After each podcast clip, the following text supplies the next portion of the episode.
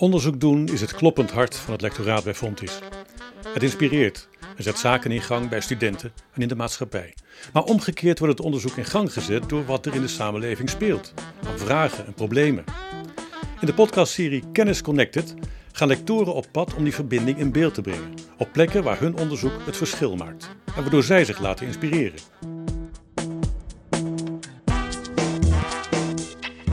En in deze podcast brengt Quinta Kools ons op een plek in Amsterdam Noord.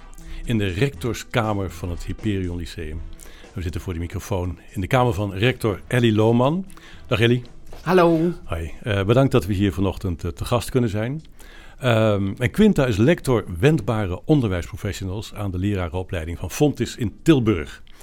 En mijn naam is Bart Gieraerts, podcastmaker. Uh, dag Quinta. Dag Bart. Uh, toen bij Fontis het plan opkwam om lectoren in gesprek te laten gaan met mensen uit het werkveld, kwam jij onmiddellijk met de naam Ellie Lohman. En daar zitten we nu. Nou, je hebt je zin. uh, waarom wilde je heel graag met Ellie in gesprek?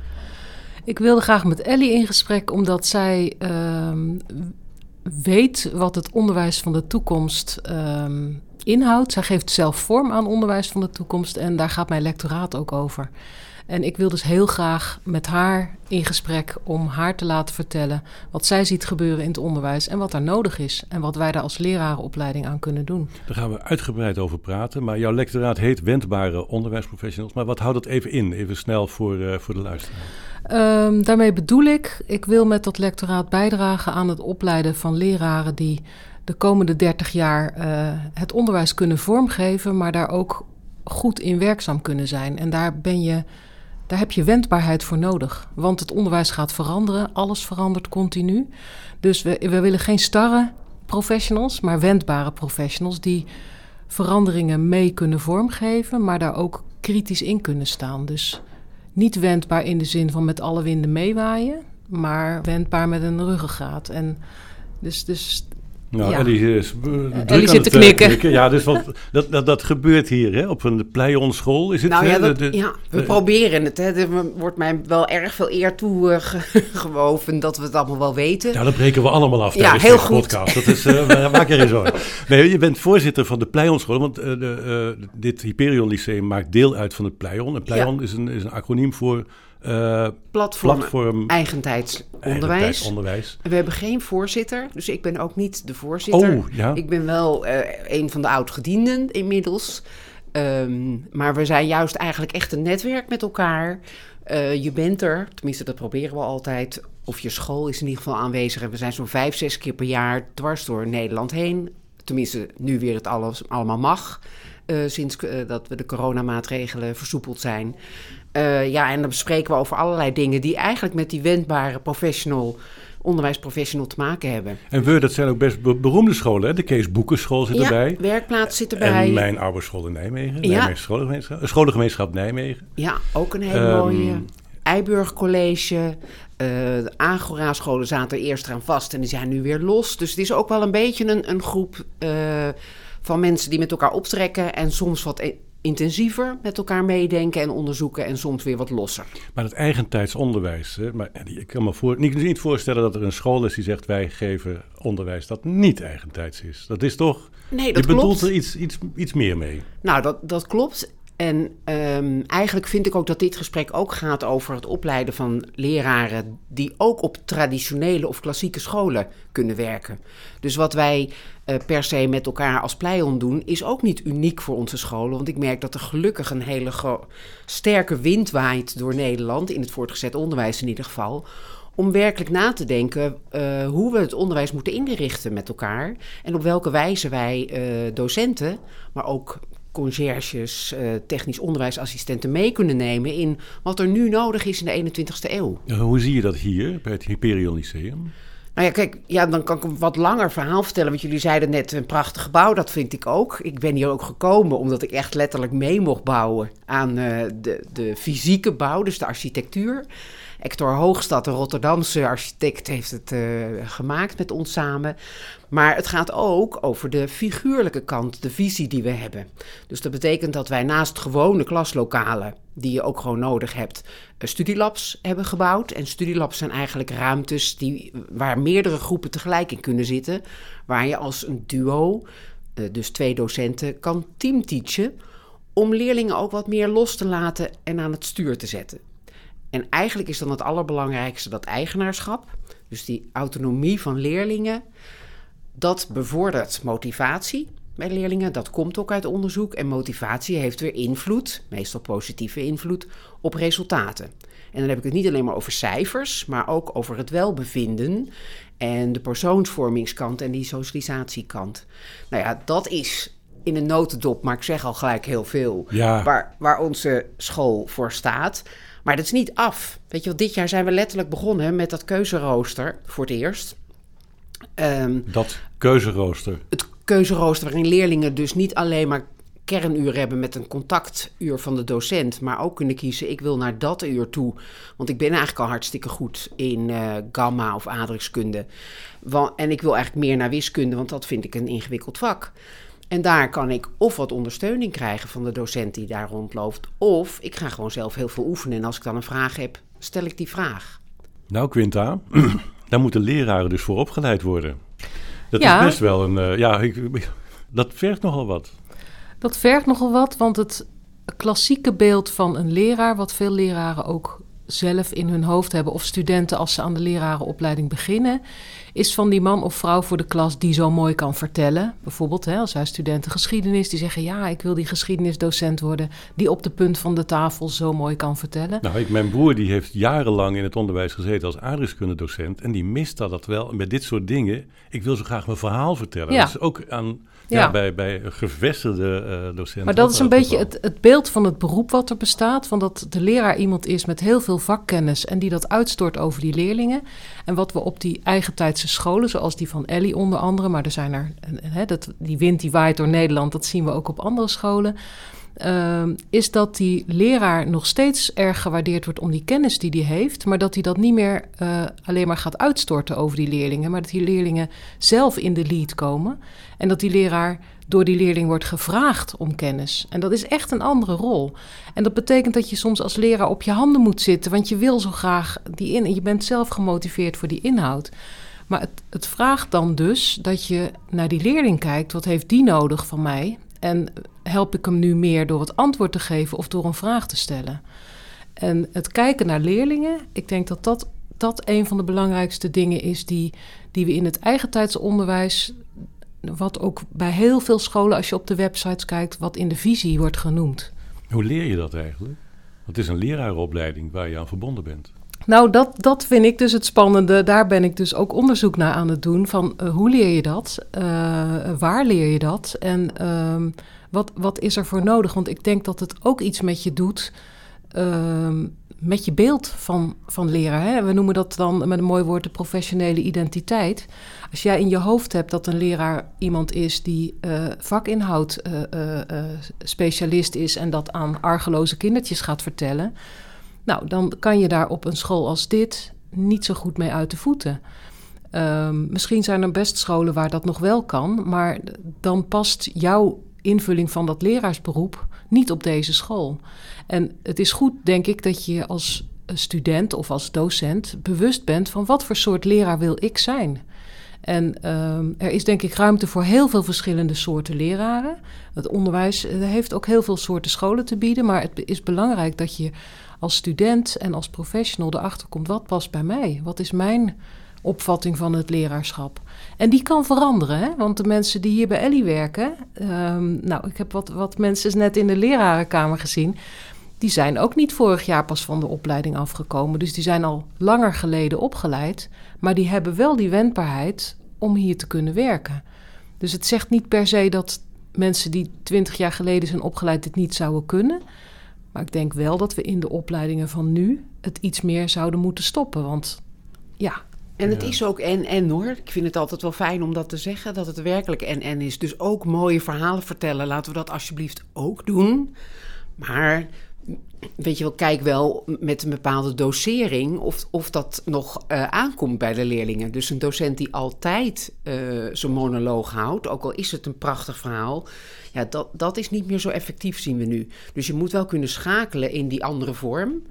En dat betekent precies waar jullie het eigenlijk nu over hebben. Ja, hoe leid je dat op? En, hoe kijk je naar, naar je leerlingen? Dat is eigenlijk je, je antenne vergroten uh, voor signalen die je misschien niet opvangt als je je klassieke verhaal aan het vertellen nou, dat, bent. dat klopt. En ik denk dat wat jij dus nu zegt, dus die bril die je opzet, die die, het signaleringsvermogen, dat is denk ik iets wat we op een lerarenopleiding aan zouden kunnen zetten. Weet je wel, want we zeggen allemaal heel gemakkelijk: je moet differentiëren met 30 leerlingen in de klas. Nou, A, is dat nogal een klus.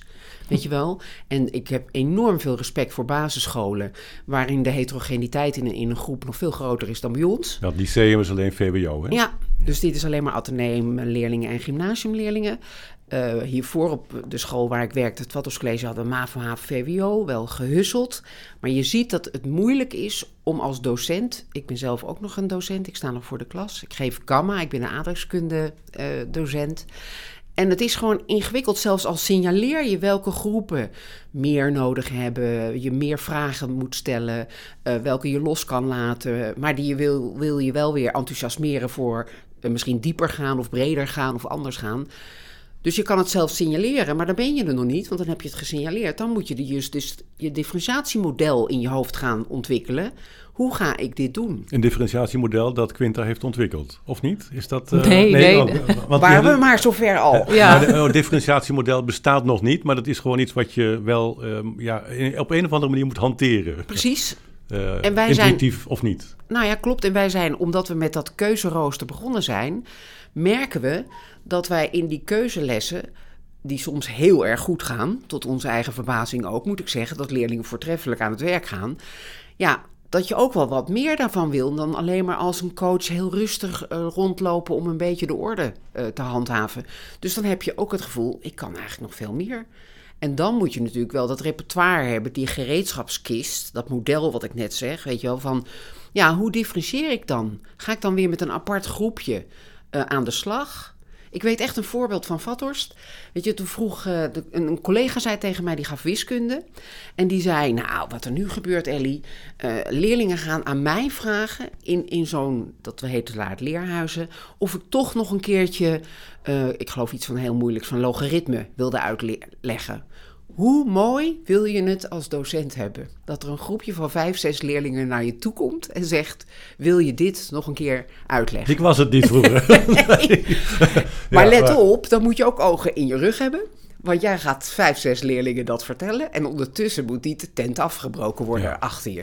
Maar Ellie, je bent rector hier. Uh, je wil dit soort onderwijs toch geïmplementeerd hebben hier op die school.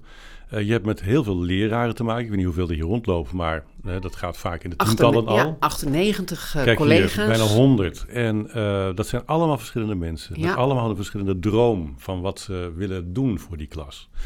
Allemaal toch ook een beetje individualisten die ook een verhaal willen vertellen, die heel veel kennis hebben. En dan moet jij toch het vertrouwen uitstralen naar die mensen toe van je moet het toch op deze manier aanpakken. Hoe doe je dat? Wat, is dat? wat kom je tegen waarin je ja, um, dat verhaal extra aan moet zetten om mensen zover te krijgen dat ja. ze er vertrouwen in krijgen? Nou ja, eigenlijk begint dat al bij de werving en selectie. Dus uh, in onze advertentie, weet je wel, waar die dan ook staat op sociale media of, of in kranten of wat dan ook. Weet je, staat echt waar wij mee bezig zijn, wat onze visie is. Ja, maar er staat altijd, je moet wendbaar zijn, je moet een, ja. een duizendpoot zijn, je ja. moet dit, je moet dat. Ik bedoel, die, die, al die, nou ja, die kun je copy-pasten, die advertenties, toch? Ja, klopt. Maar toch, dat gebruik ik ook in het gesprek. Als ik het sollicitatiegesprek doe, dus dan, vraag ik dat ook na. Vind je dat leuk? Hoe doe je het? Hoe ziet het eruit? Hoe ga je om met tegenslag? Als, als het toch. Je bent hier ook heel zichtbaar. Hè? Jullie hebben net het gebouw gezien. Er zijn heel veel open ruimtes. Dus als het niet zo lekker gaat, dat gaat ook bij mij wel eens niet lekker. Weet je, ben je zichtbaar? Dat is ook eigenlijk juist iets wat we willen. Praat maar met elkaar hoe je het oplost. Dus ja, tuurlijk hebben wij ook collega's die toch zeggen: Nou ja, nu ik hier een half jaar werk, ik weet niet helemaal of het mijn ding is om hier te blijven werken. Nou, dan hebben we weer een professionaliseringsplan gemaakt. Wij proberen didactisch coachen aan te bieden. Wat Frans Faber en Lia Voerman ontwikkeld hebben. Rete goed programma, vind ik echt. Zijn die van Fontis overigens? Of, Nee. eh, ah, Ze zijn wel een begrip in Nederland. Als je het hebt over coachen, dan heb je het over Lia Voerman. En, eh, ja, ja. ja. Nou ja, en Maar er zijn Dus- coaches van leraren die al les geven. Ja, maar wat het mooie is, want ik geef dus ook al meer dan 30 jaar les. Je leert daar echt weer iets nieuws. Doordat je gefilmd wordt, naar jezelf kijkt, ik mezelf in gesprek met een leerling zie. Stel ik nou eigenlijk open vragen? Welke categorie open vragen stel ik? Hoe richt ik mijn eigen feedback in? Dat is leerbaar. En dat zouden we, want dat zou ik zo graag willen ontwikkelen, met lerarenopleiding ook al iets meer aan de voorkant kunnen trainen. Weet je wel? En nou ja, de tweede stokpaardje een beetje voor mij is pedagogisch tactvol handelen. Het zijn pubers, weet je die doen soms een beetje gek, maar ze zijn hartstikke aardig en lief. En allemaal willen ze wel wat. Als jij maar het juiste probeert te doen op het juiste moment als docent. En soms betekent dat ook grenzen aangeven. Maar soms betekent dat ook ehm, nou ja, rustig goed luisteren naar wat er aan de hand is. Omdat er eh, iets ernstigs thuis gebeurd kan zijn. Nou, Even die twee loslaten, eventjes eh, Ja. het ventiel eh, loslaten. Precies. En dan, ja. Nou, ons professionaliseringsprogramma heeft die twee pijlers, nog wel meer, maar dat gaat eventjes buiten deze scope. Deze twee pijlers zijn dan voor ons heel erg van belang. Quintijn, eh, Ellie zei van ik zou wel graag willen dat het ook meer aan de voorkant eh, eh, aandacht krijgt, dit soort manier van lesgeven. Dus het, gebeurt nog niet. Nou, ik denk nog niet Of nog niet genoeg. genoeg. En, maar ik vind het ook mooi dat Ellie zegt: ik leer zelf ook nog steeds. Want daarmee geeft ze eigenlijk ook al aan van. Ja, als je van die lerarenopleiding afkomt, wij zeggen altijd: je bent startbekwaam. En dat is ook zo. En je hebt daarna nog ontzettend veel te leren. En daarom vind ik het ook mooi dat Ellie zegt: ik leer ook nog heel erg veel van zo'n eh, coachingstraject om te leren coachen. Dat geldt voor onze studenten natuurlijk ook. Die hebben vier jaar opleiding gedaan die, zijn, die staan aan het begin. Die gaan nog heel veel bijleren. Maar je kunt ze natuurlijk al wel in die opleiding al wat meer op dat spoor zetten. Van zie die leerling, eh, ga dat gesprek aan. En dat, dat doen wij natuurlijk niet alleen. Hè, want er wordt altijd gezegd de lerarenopleiding. Maar wij zijn ook een gebouw. Wij leiden op samen met scholen. Eh, eh, het, het leren op de werkplek. Dit is leuk. Dit is een Is het brandalarm? Dat moeten we nu weg? Nee, en dan moeten we wachten. Kijk, nu wordt hij uitgezet. Nu moeten we wachten. Als hij de tweede keer afgaat, dan moeten we ontruimen. Ik moet wel zeggen dat ik even de neiging heb om naar beneden te kijken. Mag, mag ik even eruit stappen? Even kijken, hoor. Zet hem maar even stop. Ja. Ik heb ook BHVR, dus ik heb Ja. het Ah. niet hierin, maar ik denk dat het.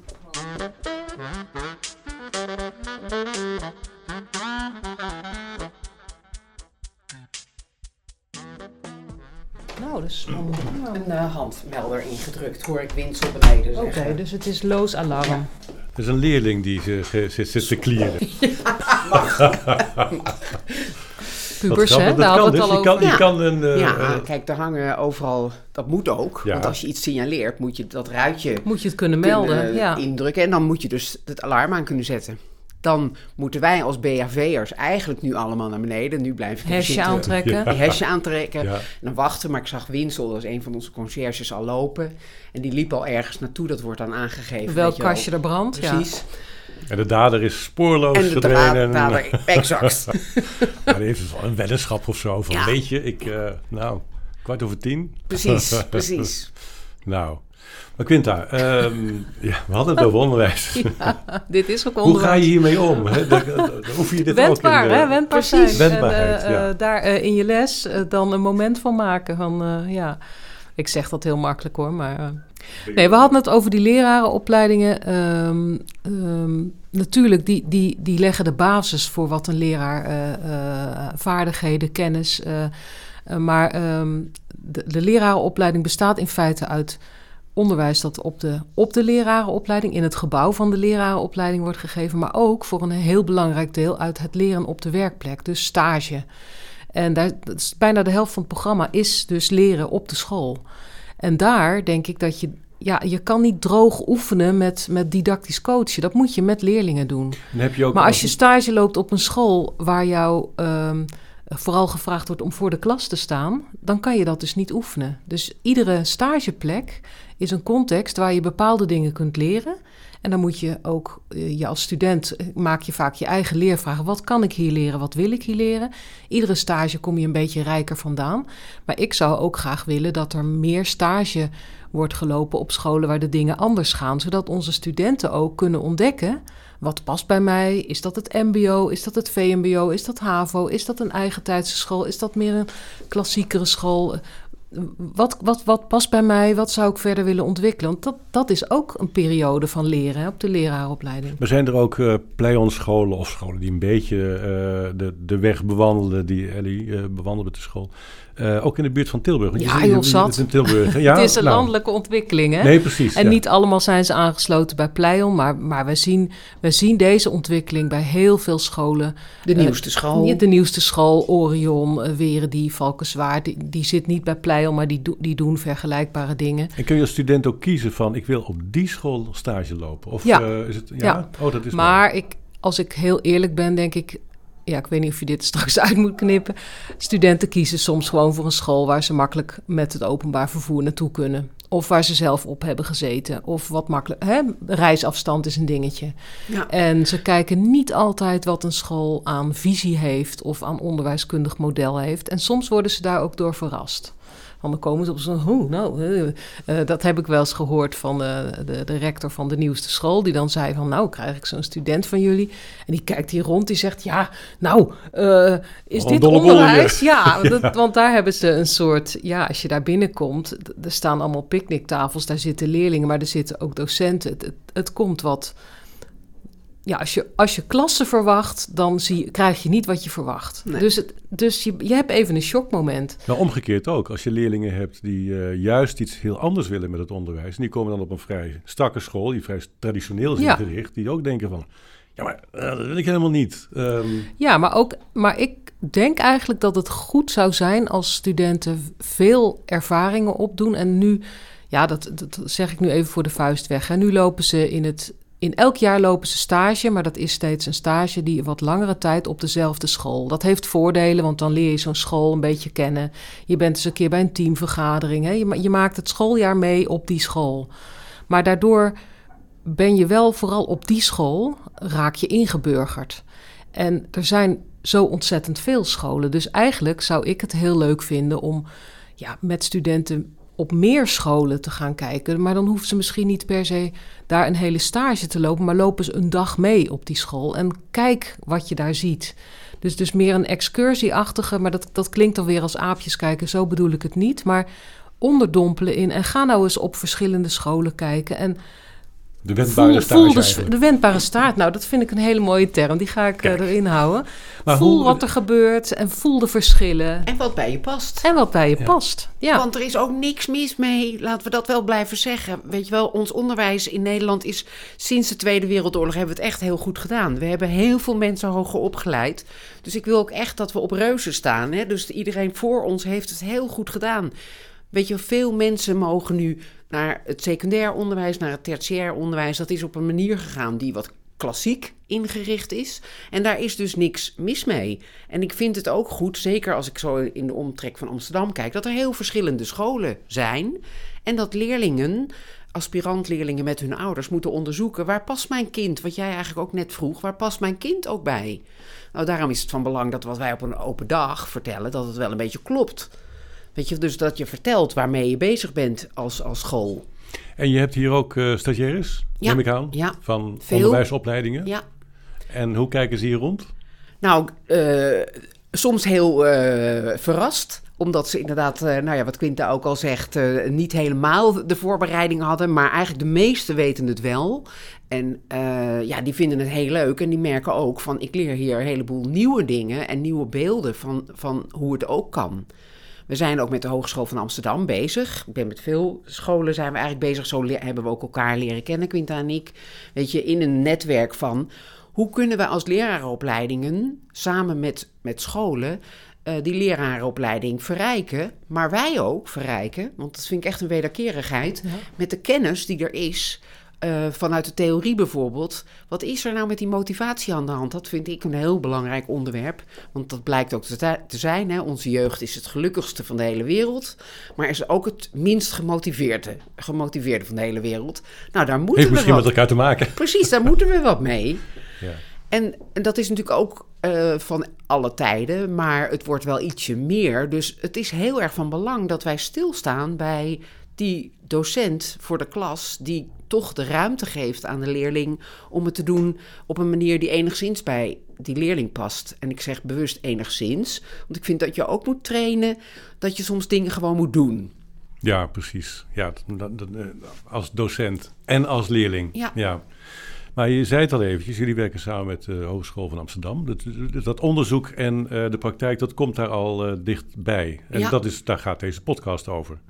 Is dat ook, uh, Quinta, wat jij doet tijdens het onderzoek waar je nu mee bezig bent, dat je samenwerkt met scholen? Hoe ziet dat onderzoek er eigenlijk uit?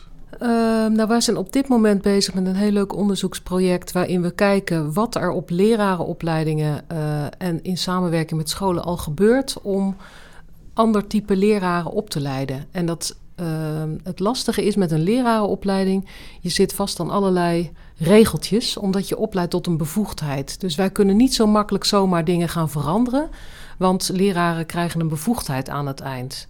Als je bijvoorbeeld een opleiding ICT hebt, geregeld, ja, hebt als je een opleiding ICT hebt, dan kun je zelf de eindtermen vaststellen en zeggen, nou, ze kunnen bij ons afstuderen als gameontwerper of als, uh, uh, weet ik veel, hacker is een profiel. Bij lerarenopleiding kan dat niet. Dat is, wij zitten veel meer vast aan aan uh, onderwijsinspectie. ja, ook ja. wat je moet afleveren aan het eind. Dus um, pogingen om dingen anders te doen starten vaak als een pilot, als een klein clubje studenten die op een andere manier wordt opgeleid, waar er geëxperimenteerd wordt. En naar die experimenten zijn wij nu in een onderzoek naar op zoek. En die gaan we ook volgen en we gaan ook kijken van op welke ontwikkeling in het onderwijs bij de scholen is dit een antwoord? Hoe werk je samen met die school? Welke fricties zijn er die overwonnen moeten worden? Welk beroepsbeeld leiden jullie voor op? En ja, dat, zo'n onderzoek duurt helaas vrij lang, maar het levert al wel ontzettende leuke gesprekken op met al die scholen. Van wat zoeken wij dan? Hoe zou je daarvoor kunnen opleiden? En op verschillende lerarenopleidingen worden er dus verschillende dingen bedacht om die, die gewenste leraren op te leiden. Ja, want Ellie knikt uh, enthousiast ja, want blijkbaar doet, dat, uh, doet de HVA dat ook. Hogeschool Ja. van Amsterdam, dat, Ja. dat soort onderzoek. Ja, maar we Nou, doen dat samen met de HVA. Dat is Jullie- een oh, onderzoeksproject waarin een aantal uh, hogescholen samenwerkt Oh, met uh, de vereniging Pleion en uh, of vereniging, vereniging Agora en Pleion. Ja. Uh, ja, hebben we dat voorstel voor dat onderzoek uh, bedacht. En is Fontis en, en Hogeschool Amsterdam. Hogeschool van Amsterdam, uh, Windesheim, um, Fontis Sittard. ik zit nog eventjes te denken. Ja, precies. Maar zijn er ze zijn dat wel, in ieder maar geval meerdere, meerdere hogescholen, die daarbij betrokken zijn. Ja. En, uh, en Ja. wat merk je daarvan, Ellie? Nou ja, wij merkten in ieder geval voor, uh, voordat we in de corona-perikelen terechtkwamen, dat er ongelooflijk veel wil en enthousiasme was om, wat wij net al zeggen, die wederkerigheid uh, met elkaar te onderzoeken. Om te kijken, kunnen scholen beter worden? Kunnen lerarenopleidingen beter worden? Ik denk werkelijk dat daar een enorme kans ligt. Ik hoor Quinta ook wel een hele belangrijke angel uh, noemen net. En dat is denk ik de angel van de bevoegdheden. Weet je wel, dat de innovaties in ons land. Ik vind namelijk dat wij uh, best veel dingen innoveren en verbeteren. Maar als je natuurlijk aan de bovenkant zegt van uh, je moet aan deze bevoegdhedenregeling houden, die ook belangrijk is hoor. Maar misschien moet je daar ook wel een keertje naar durven kijken van kunnen we daar iets meer ruimte in maken? Want, want weet je, ik heb nog nooit bijna afscheid genomen van een collega omdat hij zijn vak niet kende dus de vakinhoud. Maar het ging eigenlijk al, het gaat er bijna altijd over pedagogiek en didactiek. Weet je, die twee dingen zijn zo belangrijk in ons vak. Weet je wel, dus. Nee, Vind je dat daar te veel de nadruk op uh, gelegd wordt vanuit de inspectie gezien? Dat te informig gekeken wordt alleen maar naar die vakinhoudelijke kennis? Nou ja, ja, ik denk wel dat ik het antwoord moet zeggen ja. En dat is natuurlijk ook nog wel weer verschilt voor tweede graadsdocenten en eerste graadsdocenten. Want we hebben ook nog een eindexamen aan het einde van de rit. En ik ben toch wel een beetje van de stroming die dat niet zo heel erg vindt dat we een eindexamen hebben. Aantal Pleion-directeur ziet dat anders. Dus, uh, maar dus dat, vind- je, dat je met al die verschillende scholen, met al die verschillende onderwijstypes, uiteindelijk toch in jaar zes door dezelfde hoepel kan springen. Of in jaar vijf of in jaar... Ja, precies. weet je wel, welke afdeling je ook geeft. En weet je waarom ik het niet zo onplezierig vind? Omdat ik ook wel wil eiken wat we doen, eh, slaat dat nog ergens op. En er hebben ook heel verstandige mensen over curricula nagedacht. Dus daar kan ook wel wat eh, eh, vernieuwing in. En daar zijn we ook volop mee bezig. En dat is knap, lastig, eh, weerbarstig proces. Maar uiteindelijk heb ik wel het gevoel dat, dat, nou ja, dat een eindexamen dus belang, van belang is om ook te eiken en ook wel de betrouwbaarheid naar je ouders uit te stralen. Weet je wel, van nou ja, je haalt hier een diploma wat waardevol is. En ik hoop dat dat niet het enige is. Dat wil, wil ik ook heel graag op onze scholen. Weet je wel, omdat je ook gewoon een mooie tijd moet hebben gehad en dat je ook een persoon bent geworden in die tijd. Dat je bent, hebt leren omgaan met elkaar. Weet je, al die facetten die Bista natuurlijk altijd keurig eh, noemt, wat een hele goede drieslag is. Ehm, En dat lukt hier ook wel, want volgens mij, ik las ergens in het parool dat dit de meest populaire school van Amsterdam is momenteel. Nou, met anderen. Met Nou anderen ja, maar, goed, maar- we doen het goed. Ja. En, eh, maar we moeten ook wel wat aan de resultaten nog doen, zeg ik eerlijk hoor. Die kunnen ook nog weer wat oh, beter. dat soort lijstjes, ja. Ja, van dat eh, soort- percentages geslaagden. Ja, oh god, ja. Nee, maar en daar ben ik ook niet vies van. nee, dat dat ik denk dat dat moet ook gewoon eh, open zijn. En, en je moet ook snappen waarom je. ehm, kijk, waarom je bepaalde percentages van slagingen van geslaagde haalt. Dus wat dat betreft, eh, nou ja, dat zei ik eigenlijk net ook al. Volgens mij moet je proberen en en te denken. Je kan echt vernieuwen zonder het hele onderwijsstelsel helemaal op zijn kop te zetten. Maar jullie vergen ook wel wat van, eh, van leraren. Want ik zag staan dat jullie zeven rollen hebben eh, geformuleerd.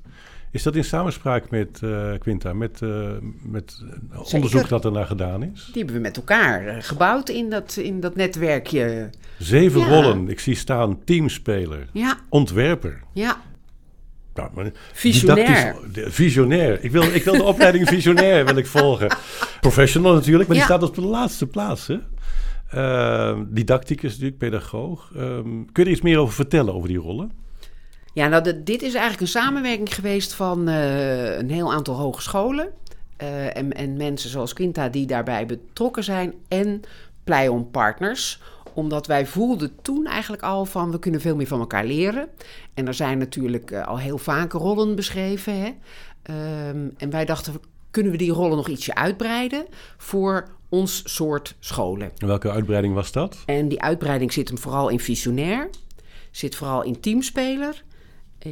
Ontwerper. Ontwerper. Ontwerper, En ontwerper. ook. Ja. Visionair. Ja. Laten we maar meteen met de Ja. meest grootste uitdaging beginnen. ja, nou dat is Dat- je inderdaad bent- ook je een bent- uit... ik, ik solliciteer bij Ja. eh, Hyperion. Ja. En dan zeg ik, Dat ben je. Dat je. Je hebt een helikopterview en je hebt een prachtige visie. En ik moet zeggen, ik heb heel veel van dat soort collega's die prachtig kunnen nadenken over hoe het zou moeten op macroniveau, op metaniveau. En tegelijkertijd, en daarom staat die professional van de praktijk er ook bij, en er zit geen rangorde in, in dat, dat rijtje wat jij Oh, eh, ziet. Weet je, je moet het wel koppelen aan het microniveau. ja, je moet wel In- naar in die... een eh, klassenverband naar- of in een- Naar die in de picknicktafel toe. eh, Precies, in de met, als- met je visionaire blik. Ja. Ja. En die vertaling is, nou ja, A, een superleuk proces. Ik, misschien mag ik een voorbeeld noemen. Gisteravond heb ik overleg gehad met een aantal collega's van mij. Want wij zijn aardrijkskunde, geschiedenis, economie, maatschappijleer aan het samenvoegen voegen tot een vak. Gamma heet het eh, bij ons, een soort wereldwijsheid. Omdat je in die onderbouw eigenlijk een versnippering hebt die je best een beetje tegen kunt gaan door gezamenlijk iets aan te bieden. Dan kan je hele mooie grote eh, onderwerpen, thema's als globalisering aanpakken, migratiestromen en tegelijkertijd ook alles verbinden aan de historische eh, chronologie. Nou, daar praten we dan met elkaar over. Dus ik zit daar ook gisteren aan tafel met een heel aantal bevlogen collega's. En dan moeten we steeds die stap maken van die bevlogenheid en de visie die we hebben van die geweldige onderwerpen naar, oké, hoe ziet het er in de klas uit? Dus hoe ontwerp je zoiets? En wat leren ze dan? En wacht even, hoe toetsen we dan eigenlijk? Weet je wel, moet dat alleen maar kennistoetsjes zijn? Is het een formatief iets? Mogen ze ook een documentairetje? Mogen ze een podcast maken? Weet je wel? Op En welke toch een schuin oog naar het eindexamen En natuurlijk toch- ook weer. Precies. Nou, en Hoewel, dit was onderbouw, zei je. hè? dit is ja. onderbouw. Dus precies, daar heb je best wel wat ruimte. Daar mag je ook best wel gewoon, juist voor de motivatiekant, dingen doen die ze gewoon hartstikke leuk vinden. Eh, maar tegelijkertijd moet je wel weten waarom je iets doet. Dus gisteren hebben wij ook een soort schema gemaakt, een soort ontwerpmal gemaakt, waarin we dat zeggen... is de ontwerper. Ik hoor een andere eh, rol Dat ook, ook ja. Nou, eigenlijk lopen ze ook allemaal Nee, in elkaar. Maar ontwerp, Ont- eh, gemaakt, ja, mal. eh, waarin toch wij de kerndoelen zetten, de vaardigheden die erbij horen, de vakspecifieke vaardigheden, maar ook nog het leren leren. Dus ook, nou ja, wat we heel chic noemen, de executieve vaardigheden. Dus kan jij samenwerken, kan jij reflecteren, kan jij een beetje met digitale eh, middelen omgaan. Nou, dat is nogal wat. Weet je wel, eerlijk gezegd, ik ben natuurlijk heel enthousiast over het beroep docent. Maar het is zo'n complex beroep. En als het je een beetje lukt, is het zo mooi. Omdat het zo van alle niveaus is. Eh, het gaat over je hart, het gaat over je kennis, het gaat over goed met elkaar omgaan. Ja. Ja. Ik vind het mooi dat jij eigenlijk al die rollen hebt eh, benoemd. Die zijn allemaal bij langsgekomen. Hè? Ook dat teamspeler, dat je dat samen doet. Ja. En dat die ontwerpende rol. En die, dus dat is, dat is eigenlijk het beste antwoord, denk ik, op jouw vraag van die zeven rollen. Want het zat allemaal in jouw verhaal. Ja, Maar, Dat, eh, eh, Ellie zei dat, jullie hebben het in samenspraak gedaan met eh, het onderwijsveld ja, dat was een project van een paar jaar geleden. En ik, ik Wat mo- was moet jullie zeggen, rol daarbij, bij deze rollen eh Ehm, Ja, het was eigenlijk een heel gelijkwaardige het uit, mee uitwerken van die rollen en daar voorbeelden bij bedenken. En daar, het zijn ook niet rollen die je meteen al allemaal moet kunnen op de lerarenopleiding, maar die ik wel nu heel vaak gebruik in ehm, als ik met collega's in gesprek ben. Ehm, omdat je er een basis voor kunt leggen. En dat die scholen er zo mee bezig zijn, geeft ook al aan van dat dat ook rollen zijn waarin je je verder kunt ontwikkelen. En we hebben er volgens mij toen ontwikkelrubrics voor gemaakt. hè? exact. Dat wilde ik. En ook een soort. eh, het, ontstond vanuit. We zoeken een rubriek. aspirant. Een rubric. Nee, een rubric is een. Is Ja. een, is een eh, ja, dat is een. Dat gebruiken we heel veel in het onderwijs als een, dus een- voor een beoordelingsmodel. Je hebt een aantal bes- beschrijvingen van niveaus. Eh, en en eh, dat loopt dan op van eh, beginner, die kan dit en dat. Een iets gevorderde doet. Dus je, het helpt je om iemand te kunnen beoordelen, bijvoorbeeld in een rol, of te kunnen begeleiden om te groeien naar een volgend niveau. En het is volgens mij ook, was de bedoeling om bijvoorbeeld ook startende leraren op zo'n pleionschool een handvat te bieden van, oh, ik sta nu aan het begin bij teamspeler en dat is waar ik naartoe kan. En ik, en ik hoef dat ook nog niet meteen allemaal te kunnen, dat, dat straalt het ook uit. Precies. Ik kan daar nog in groeien. En het geldt ook voor al zittende collega's, die zien dus ook, ik kan hier nog in groeien. Maar komen eh, studenten aan de lerarenopleiding, aan de voorkant dus eigenlijk, ook dit soort rollen tegen waarin ze zich moeten bekwamen? Nou, een aantal van die rollen wel, maar dus nog niet allemaal. Want de- deze zitten niet zo. Teamspeler en, en ontwer- ontwerper begint te komen. Dat zit al wel in vakdidactisch ontwerpen, dat soort dingen. Maar echt vanuit niks iets maken. Ehm, zonder methode, zonder lesboek. Ja, dat is echt wat je op de eigentijdse scholen meer tegenkomt. En die rol is wel vrij nieuw. En die rol als teamspeler, ja, die kun je ook alleen maar in de praktijk oefenen. Die kun je niet leren op de lerarenopleiding. Dus daar moet je echt voor op je stageschool. En lang niet alle scholen werken op die manier. Ehm, dus dat is nog best een lastige om je in te... We kunnen ze niet Ja, startbekwaam als afleveren met al dan kom je op een school waar dat helemaal niet eh, de Ja, bedoeling is. ja. Ja. Eh, Nou ja, en, en weet je, het is ook echt een beroep, wat ik altijd zeg, wat je bent vijf jaar sta je voor de klas en dan ben je eigenlijk een beetje af docent. En af betekent niet klaar, maar betekent eigenlijk dat je het allemaal een beetje in de vingers krijgt. En dat je niet soms naar huis fietst en denkt, gadver, deze les ging helemaal niet lekker. Waar kwam dat nou eigenlijk door? Nou, dat heb je vaak. Dus je moet ook wel dat weerbare en dat wendbare, dat hoort wel erg bij ons beroep. Want ook al sta je honderdduizend jaar voor de klas, er zijn ook wel eens lessen die gewoon niet werken. Ook bij mij. Weet je wel, dus... Ja, dus of klassen dan- waar je helemaal geen grip op krijgt. klassen, dus wat dat betreft moet je wel voor jezelf het gevoel blijven houden dat je durft te kijken naar wat er niet goed gaat en wat er, wat er beter kan. En kan je niet eigenlijk zeggen, nou, je komt van een leraaropleiding, het is nu af. Klaar, nee. En dan moet je echt ook nog die vijf jaar behoorlijk buffelen om op zo'n school eh, te landen. Weet je wel? En dan is het fijn als je een heel goed inductieproces noemen wij dat dan. Weet je, dat je dus goed opgevangen wordt door schoolopleiders. Weet je, die de eerste drie jaar dat je op een nieuwe school bent. Ook niet in de diepe wordt gegooid, want anders raken we ook een beetje te veel mensen kwijt. Ja, precies. Want nu Want na één jaar heb je al dat je mensen Ja. afscheid neemt van mensen Ja. op basis van hun didactische eh, Ja. en pedagogische kwaliteiten. Dus ze hebben eigenlijk vijf jaar nodig. Ja, Verschrikkelijk Ja, maar ja, je hebt ook je verantwoordelijkheid voor je leerlingen. Want je wil ook niet een. Je wil op zich die startende leraar de kans geven om te groeien. Maar het moet ook niet ten koste gaan van jouw leerlingen. Dus dat is best een hele lastige eh, afweging. Is dit het onderwijs dat we over 30 jaar gewoon het normale onderwijs noemen? Quinta? Nou, ik denk dat die variëteit waar Ellie het over had, dat die zal blijven bestaan. Ik hoop dat dit de leraren zijn die we over 30 jaar hebben. Dat dat die wendbare professionals zijn die ja, al Op die, al die dingen die langs zijn gekomen, op wat voor school dan ook, die oog hebben voor leerlingen die het beste met ze willen. En dat, dat we de- aan de wereld laten zien dat dit een fantastisch beroep is.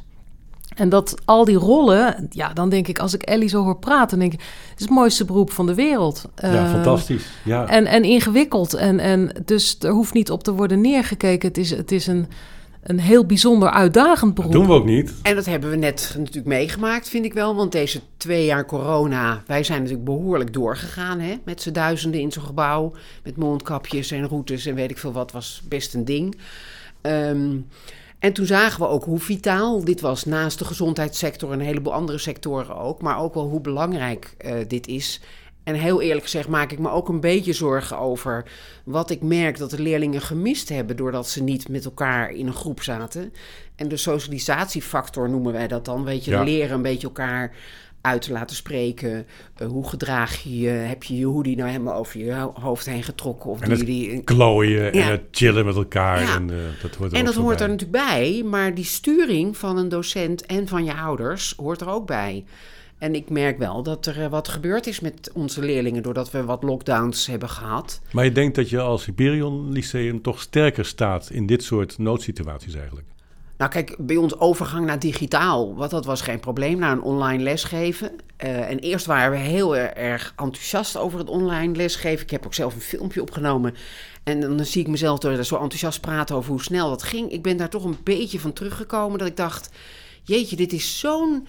Dit is zo'n lijf beroep. Dit is zo elkaar zien en meemaken en verdrietig mogen zijn en dan gesignaleerd worden dat ik even met jou een praatje moet hebben, want je zit niet helemaal lekker in zijn vel. Dat kun je allemaal niet zo makkelijk zien. Heel belangrijk leermomentje eigenlijk, hè? Dit Absoluut. COVID. Ja. Tegelijkertijd zeg ik ook, er zijn een aantal dingen die we vasthouden. Weet je wel, bepaalde overleggen met elkaar, werken super slim online. Eh, tien minuten gesprekken met de ouders. Nou, ben ik nog niet helemaal uit of dat eh, helemaal online moet of niet. Maar dus, er zijn een heleboel dingen waardoor we wel openstaan van hoe kan het ook met allemaal andere technologie daarbij. Mooi. We kunnen 30 jaar weer aan. Ellie Lohman, eh Quinta Kools, bedankt voor dit gesprek. En ehm, Dankjewel, niks te danken. Succes de komende 30 jaar. Ja.